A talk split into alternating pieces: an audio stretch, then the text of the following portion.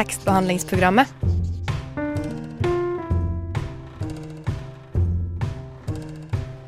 Tekstbehandling på radio.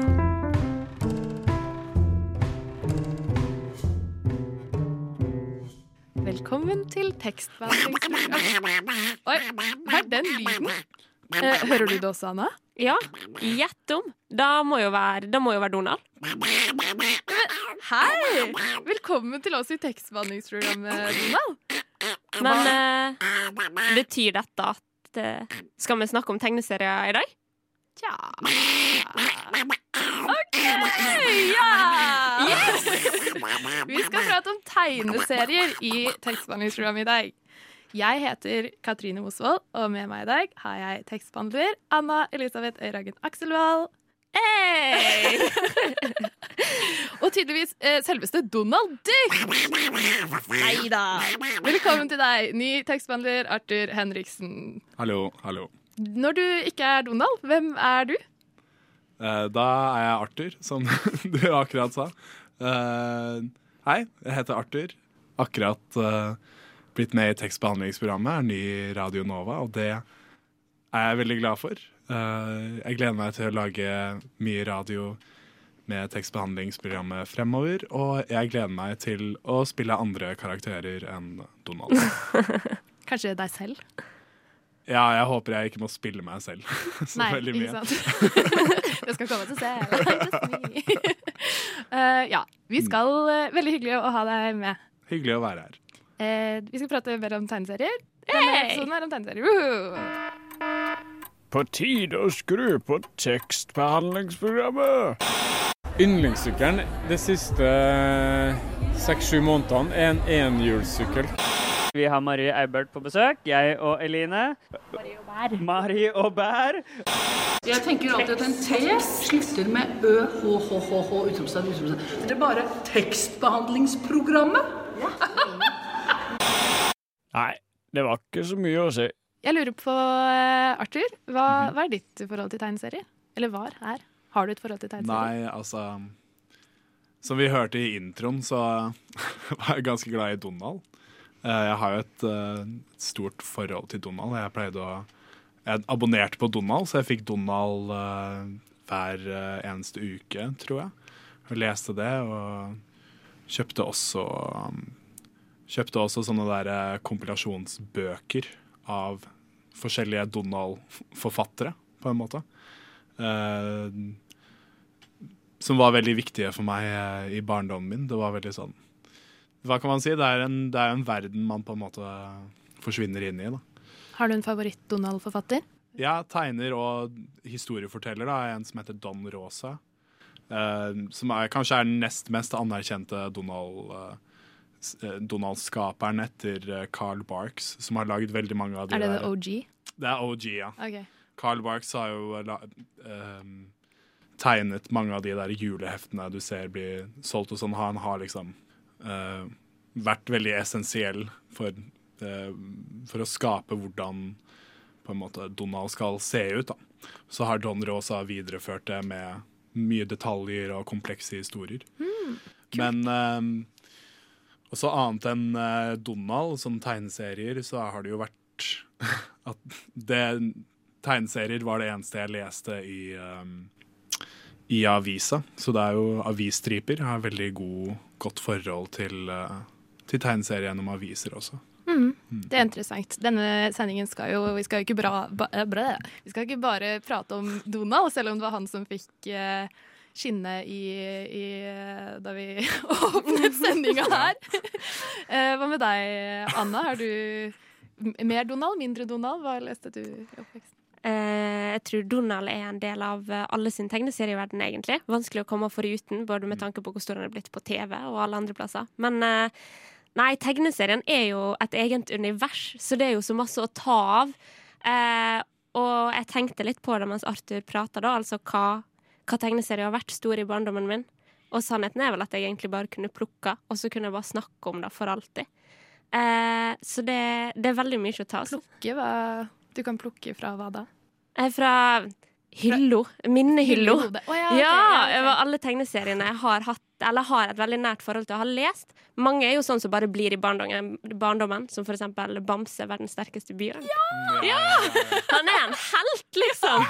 Eh, rettferdigheten sjøl, men han er kanskje sånn som du putter litt vekk når du blir eldre. Eller jeg må jo innrømme at jeg blir fortsatt glad når jeg ser den i butikken på norsk. For jeg abonnerte på Bamse som eh, Arthur gjorde på Donald. Men etter hvert så utga de han bare på svensk, så da slutta med. Men det hender at det kommer nye blad på norsk. Hadde ikke han Bamse en sånn derre Litt sånn som skipperen. Sånn der, Dunderhonning! Ja, dunderhonning som han spiste og ble supersterk. Jo da, det stemmer det. Og så bekjemper han eh, all urettferdighet. Ja. Men dere, har denne kjærligheten til tegneserier fulgt dere nå? Inn i, inn i voksenlivet? Vi er alle i hvert fall litt over 20. Jeg tror aldri den vil gi slipp, jeg. Nei? Du Den- leser tegneserier i dag? Ja, absolutt, og syns det da er minst like kjekt den dag i dag. Og jeg leser gjerne òg tegneserier opp igjen. I en tidligere episode så snakket jeg om at litterære verk, eller bøker, leser jeg ofte ikke om igjen. Men tegneserier leser jeg om igjen hele tida, og da blir det aldri kjedelig. Nei, altså Jeg tror det er, det er ganske lenge siden jeg leste en døde for deg. tegneserie. Ja, det var, eh, Du må ha ekte periode litteratur. ja. Ekte litteratur? Kontroversiell. Oh. Hva skjedde med din indre? Donald, Arthur? Nei, den har vel uh, ligget i dvale helt til uh, den sendingen her, egentlig. Så Nei, men Jeg vet ikke helt hva som skjedde. Jeg gikk vel Jeg tror egentlig at det som faktisk skjedde, var at um, jeg ble obs på at videospill eksisterte. Så jeg på en måte utbytta den verden med en ny liksom verden. Å, tegneserier er teit. Jeg går over til ordentlig litteratur. Jeg vil bare lese ord. Det var liksom Å, tegneserier er mye teitere enn videospill! Ja Og så begynte du sånn. å lese bøker. Ja, ja. Kanskje det. Ja, jeg, jeg, ja. jeg vil ikke påstå at jeg hoppa naturlig fra videospill til uh, ordentlig litteratur heller. Hvis du går hjem med noen og de ikke har bøker, ikke knull dem. Hilsen tekstbehandlingsprogrammer. Anna, du Ja. leser tegneserier I do. i dag. Fortsatt. Når du er eh, gått forbi holdt på å si, prime time Donald tegneseriealder, om det er noe som finnes. Arthur, du eh, gjør ikke det, men du gjorde det, og så begynte du å spille videospill. Men tegneserier, sånn jeg har forstått det, er kjempepopulært nå. Større enn altså, tidligere I hvert fall tegnede bilder. Mm. Men er det egentlig det? Burde ikke folk ha lest tegneserier mye lenger før det fantes videospill og, og TV og sånt? Fantes det tegneserier da?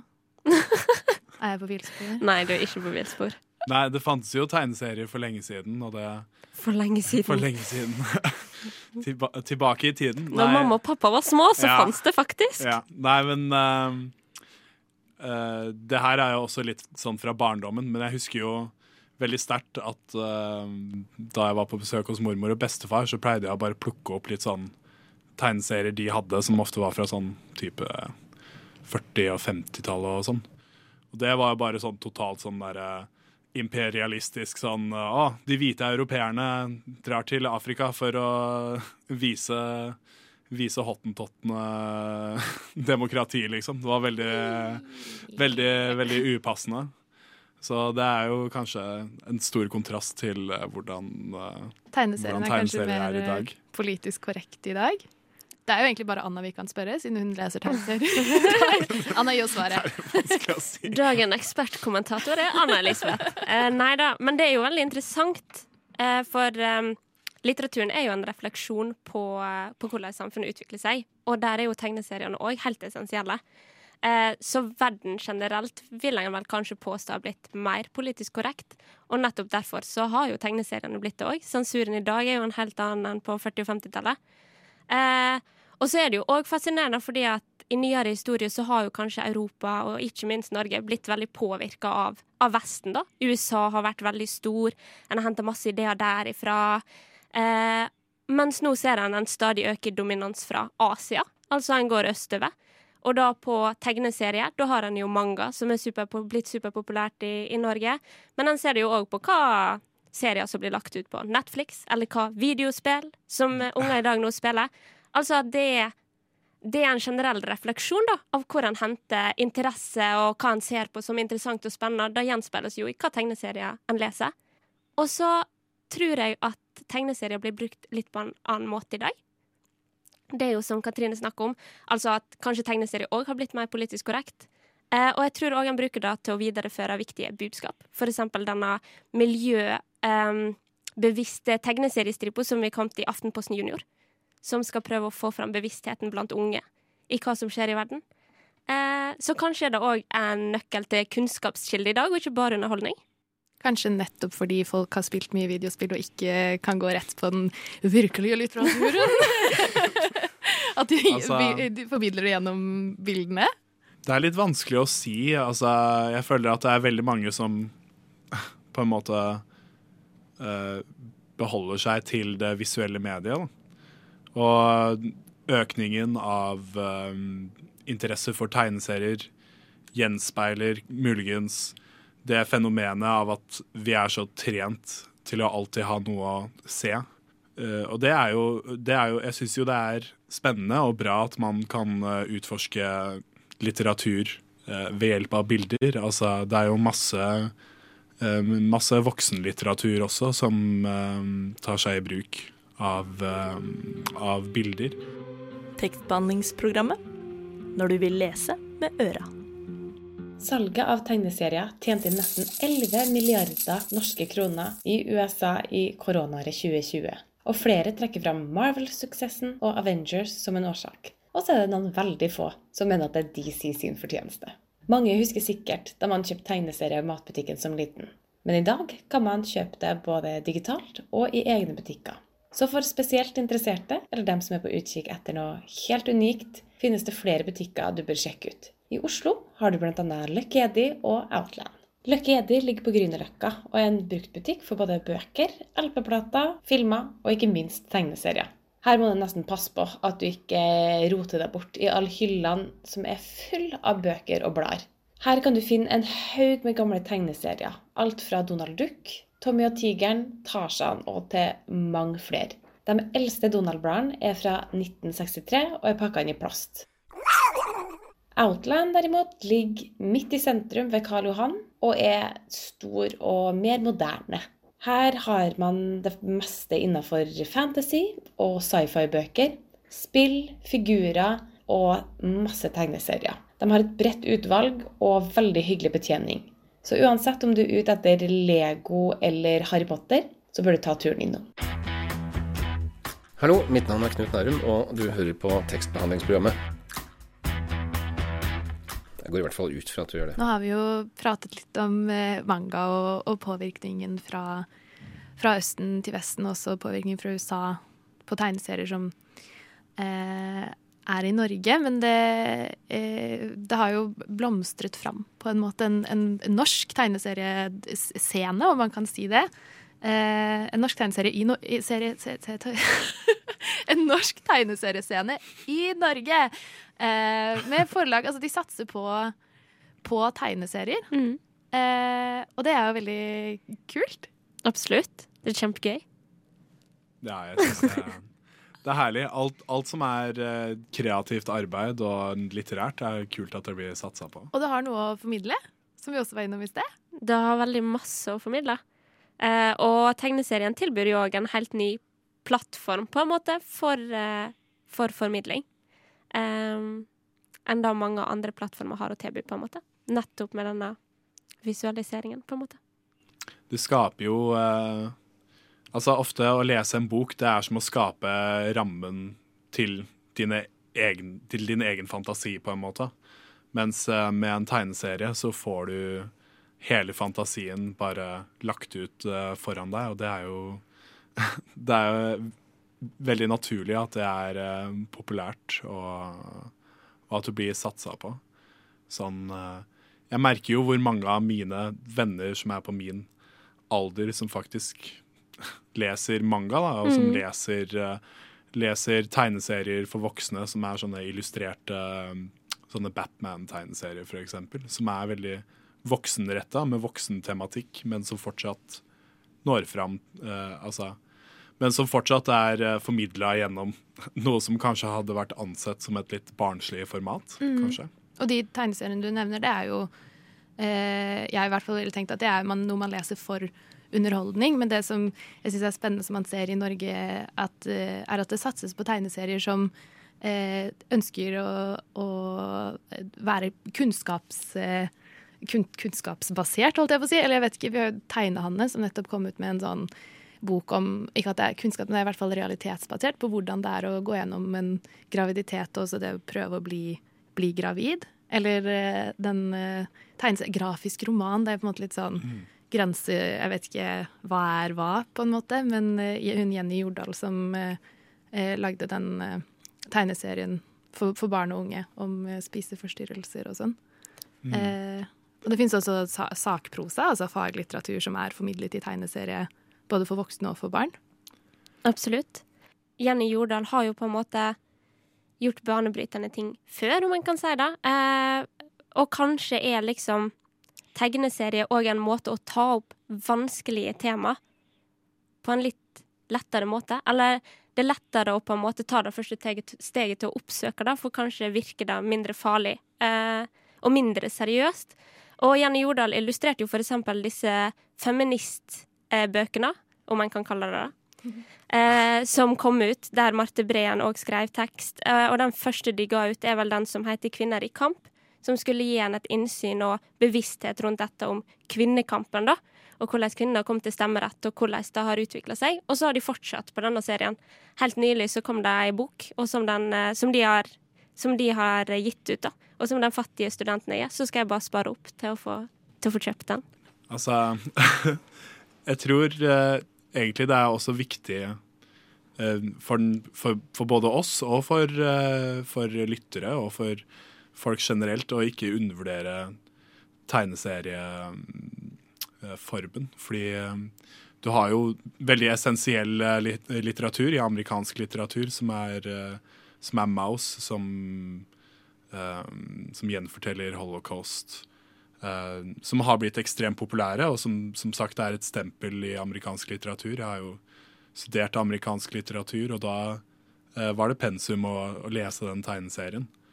Så- Det er kult. Ja. Ja, det er stilig. Det er bra Så, undervisning. Altså, og akkurat det der spørsmålet, og det definisjonsspørsmålet med og er det en grafisk roman eller er det en tegneserie? Det, jeg tenker at det er litt sånn hipp som happ, hva man kaller det, på en måte. Det er litt sånn Er det OK, det er en grafisk roman, det er en Det er, eh, det er på ark, det er, det er tegna, og det er tekst. En tegneserie er jo akkurat det samme, så jeg tenker at kanskje man må legge litt fra seg den derre Eller ikke nødvendigvis legge det fra seg, men bare kanskje innse at man har en litt sånn eh, barnslig innstilling da, til, eh, til tegneserier. Det er jo veldig naturlig siden vi har vokst sånn opp med det, men um, Mm. Nei, kanskje holde tunga litt rett i munnen. Det finnes jo, altså En tegneserie det skal jo på en måte være bilder i, i ruter. Det er et eller annet sånn stripe ruter d- som er definisjonen på det. da, Mens en grafisk roman kan jo være altså, typen bildebok for voksne. Mm. Det er, eh, ja. Men det, når vi først snakker om klassikere som er eh, blitt eh, grafisifisert, eh, laget om til Illustrert. Illu nei, ja, nei. Ja, tegneserier. Så Roald Dahl eh, sin eh, Ikke Matilda, men Heksene. Ja. Den gir tegneserie for barn. Og så har vi også Hamsun sin Sult. Det er et par år sia. Men eh, da den kom ut, så intervjuet vi faktisk han eh, illustratøren og han som hadde laget den. Så det kan man høre her. Det kan dere Ja. søke opp. Ja. om dere- Transformeringen eller- ja. fra en, fra en Ja. roman til en tegneserie, på en måte. måte. ja, Om man vil høre mer om prosessen med hvordan det var å, å gjøre Hamsun sin sult om til en grafisk roman, så finner man det i tekstbehandlingen sin, eh, sin pod-samling, der du hører det. Litt sjølpromotering er viktig. Og så tenker jeg òg at det er viktig Kanskje er det ikke engang barnslig. Kanskje er det barnlig. Eh, og jeg tenker at det er en viktig kontrast. Eh, for det første fordi at eh, det er viktig å være barnlig hele livet. Hvis ikke tror jeg livet blir ganske kjedelig og grått og trist. Eh, men kanskje bruker en òg nettopp denne barnlige vinklingen i tegneserien til å dra inn ulike folk, da. At den appellerer mye lettere til folk ved at de òg slipper å lage disse bildene og dette universet og problemstillingene en gir dem da, sjøl. men hjelper lett og litt på vei med å lage illustrasjoner. Det er jo sånn eh, som eh, altså bildebøker for barn, hvor hovedkarakteren kanskje Eller også eh, film, barnefilm, hvor hovedkarakteren er en høne eller en, en ku. Fordi da kan alle barn identifisere seg med den hønen og kua. Det blir jo sånn med tegneserier også. Jo enklere tegn, den personen som er tegnet, eller karakteren som er tegnet er, jo enklere er det for hvem som helst å identifisere seg med handlingen. Og det, spesielt hvis det er vanskeligere temaer som psykisk helse og spiseforstyrrelser og sånne ting, så kan det gjøre det enklere enn å lese en, en ordentlig novelle på en måte om det samme temaet, for det kan bli for nært. Kanskje barn trenger Altså barn altså, Det er jo eh, undersøkt at eh, barn generelt sett lærer mer jo flere på en måte læringsplattformer eller eh, formater de har. Hvis de har noe visuelt og noe um, uh, noe lyd eh, sammen, for eksempel, så er det enklere for de å lære. Så det er jo veldig naturlig at uh, tegneserier da blir et veldig sånn godt uh, et godt formidlings... Uh, en kun, bra for kunnskapsformidling. Husker du de der små karakterene i matteboka? Eh, Ja? Ja, ja, det er helt sant. Eh. Som fulgte deg gjennom alt, Det var jo liksom. litt sånn tegneseriegreier. Det gjorde det nok enklere å skjønne. Og, begynner bare å tenke på alle de der eh, Stian har åtte epler, øh, sju pærer. Hvor mange tomater har han? Liksom. Det sånn. Det ga aldri mening! Alltid de som alltid skjønte de tekstlige de mattespørsmålene. Ja, vi, er, vi er jo i tekstbehandlingsprogrammet after all. Ah, next up algebra. Nei da. Eh, nå skal vi høre en låt, og etter det så skal vi høre fra tekstbehandler Erik. Så Erik, over til deg. Det er tidlig morgen. Folk flest rundt omkring i det ganske land gnir søvnen ut av øynene og skal til å starte dagen. Og kanskje ta en kikk i avisen først. Det er papirutgaven av Aftenposten det går i her i huset. Forsiden i dag. Semikjent politiker med spissformulering. Forfatter ut med ny bok. Få gode ord å hente fra kritikerne. Du verden fyller kongen år. Det er jo vel og bra alt sammen, men hvem er det jeg prøver å lure, egentlig? Det er jo ikke dette jeg kom for. Jeg blar febrilsk frem til morgens absolutte høydepunkt. Tegneseriespalten. Der står den, i all sin prakt. Det er stort sett de samme stripene du går i, og det er fint. Klassisk. Der har vi sitt, livet til den uforbederlig Ate og litt dumme tenåring Jeremy og hans lett oppgitte foreldre. Lurer på hva slags påfunn han har kommet opp med denne gangen. Eventuelt hva han ikke har gjort som plager foreldrene i dag. Her må jeg alltid le litt for meg selv. Den norske tegneserien Radio Gaga er på mange måter obligatorisk lesning for oss som driver mye på med radio og podkast. Satt på spissen, så klart. Enda en norsk stripe. For alle kjæres Nemi. Kanskje etter min mening Norges beste tegneserie. Ingen er så direkte som den evige ungjenta. Da fenomenet så på kornet at det er vanskelig å ikke trekke på smilebåndet. Jeg ville nok ikke vært på den mottagende siden av en av hennes krasse utbrudd. Det er altså et stort mangfold av tegneseriestriper i avisen. Hvorfor morer du oss så fortsatt? Er vi ikke alle voksne mennesker som skal holde oss til klassiske romaner og lange dokumentarer? Vel, humor går aldri av moten. Og spesielt ikke av det slag som tar for seg hverdagslige pinligheter. Eller typetegninger av den litt naive vennen eller venninnen vi alle har. Dette har i grunnen ikke noe med hvor sofistikert man er. Morsomheter omgir oss hele tiden. Trenger ikke alltid lett så lenge heller. Stripene er heller ikke så lange. Hvordan får man glede av dem da? En god tegneseriestripe behøver ikke å være en meter. Kun noen få bilder og enkle replikker kan få frem hav av meninger og følelser som en lang roman kanskje ville strevd med over mange hundre sider. Hva gjør egentlig at tegneserier blir stående i avisen i mange år? Det blir en naturlig del av hverdagen til mange, kanskje. Før en krevende dag på jobb, skole eller andre daglige gjøremål kan det være akkurat den energien man trenger til å gripe dagen. En tegneseriestripe som fenger, kan stå i generasjoner. Kanskje det er latteren, og kanskje det er spenningen som skaper gleden hos sine lesere. Satiren er vel kanskje det aller gøyeste. Hvem vet? En ting vi kan være ganske sikre på, er at det ikke er en enkel oppgave tegneserieforfatterne har for seg. Noen ganger mister kanskje historien aktual- aktualiteten. Da er det på tide med noe nytt. Sånn er livet. Takk for nå. Gjemt, men ikke glemt. Tekstbehandlingsprogrammet for deg som vil ligge på en skinnfell foran peisen og drikke vin og høre på gode bøker. Og så begynner vi.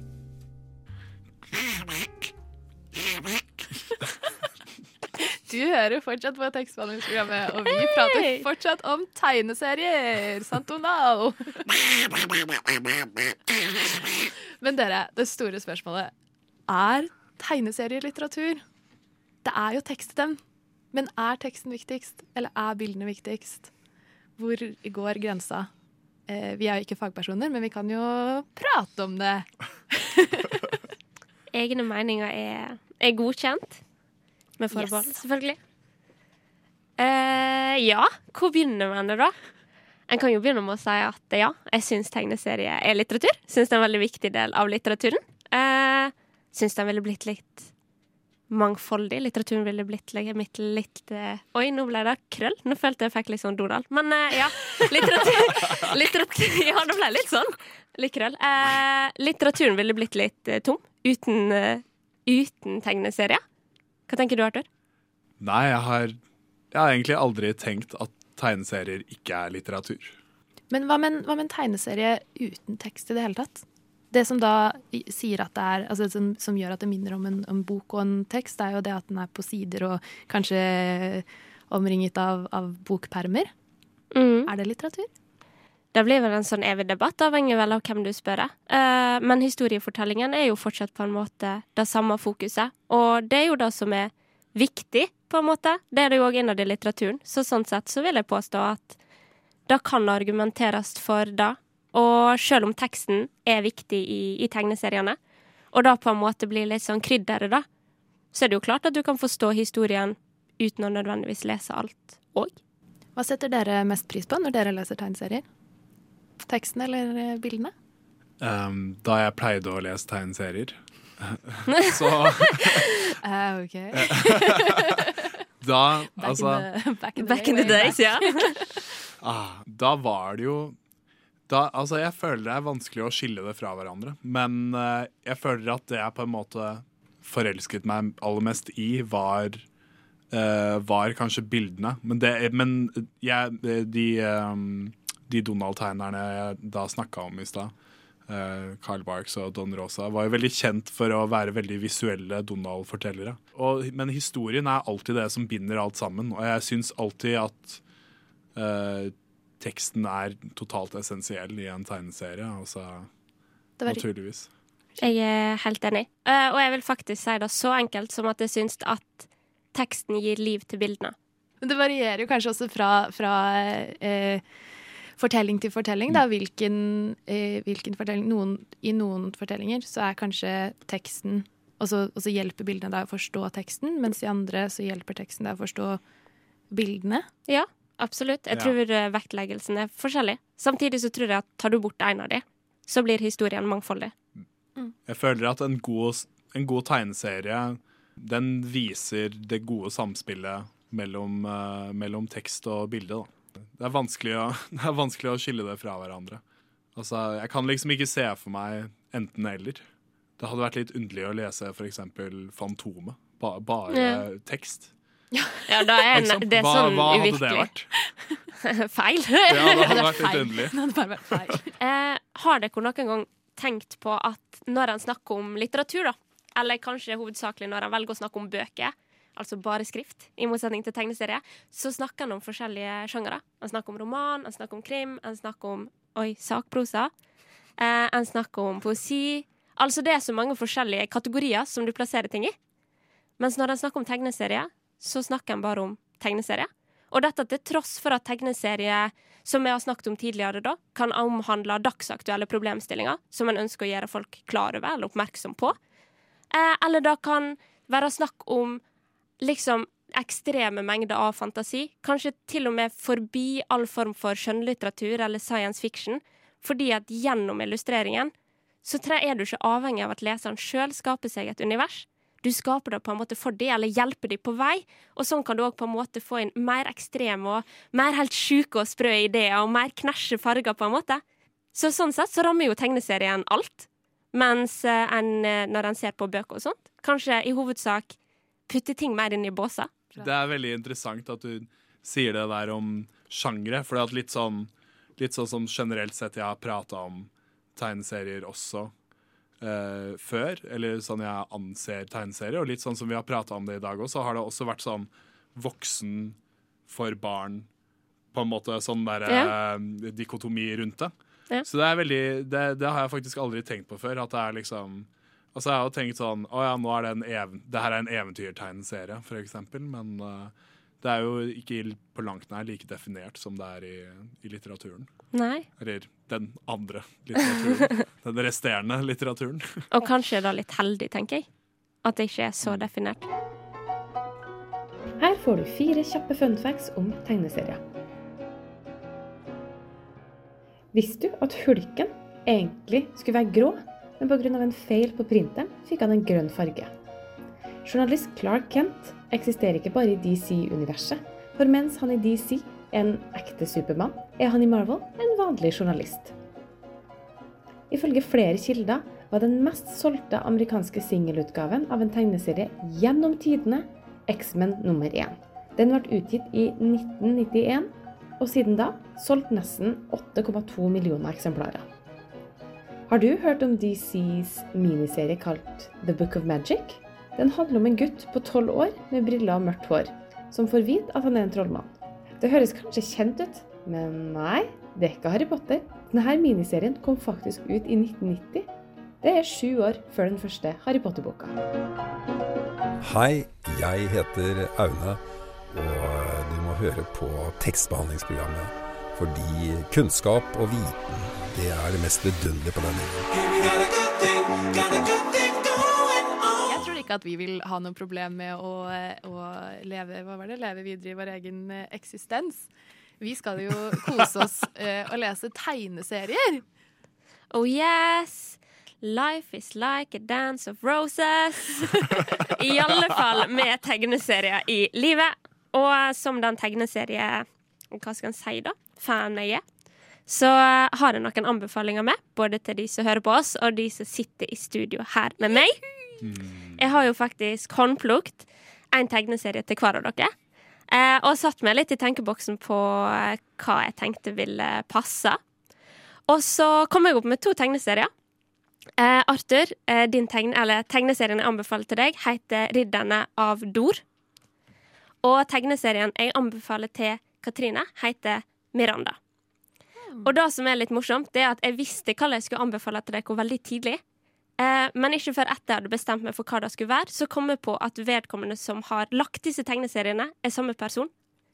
Eh, hun kaller seg Inka-Lill, knytter tegneseriene sine, og er norsk. Eh, og blir kanskje sett på som et av Norges Eller er nok ei som har starta et av Norges største tegneserieprosjekt, på en måte. Begge seriene er nå fullført. Jeg har lest begge to. Jeg er veldig stor fan av begge to. Eh, og så, til de som finner at Inka-Lill ikke passer helt, eller faller helt i smak, så har jeg òg noen andre anbefalinger. Mange av de er nok Det er jo ikke type nye, for jeg har jo sagt før at jeg leser tegneseriene mine om igjen. Mange av de finner jeg i hylla på biblioteket som har hjemme i huset hvor jeg er oppvokst. Men Asterix og Obelix det er en fransk tegneserie som foregår i Romerriket, og den går aldri ut på dato. Det samme syns jeg heller ikke at Valhall gjør, som dreier seg om norrøn mytologi. Den er dansk. Så har du Donald Duck, som vi har snakket om, men den fins i så mange forskjellige varianter at avhengig av interesseområdet, så slår den heller aldri feil. Om lytterne våre skulle ha lyst til å dra ut på eventyr, så anbefaler de å følge med Sprint, som er en fransk-belgisk tegneserie.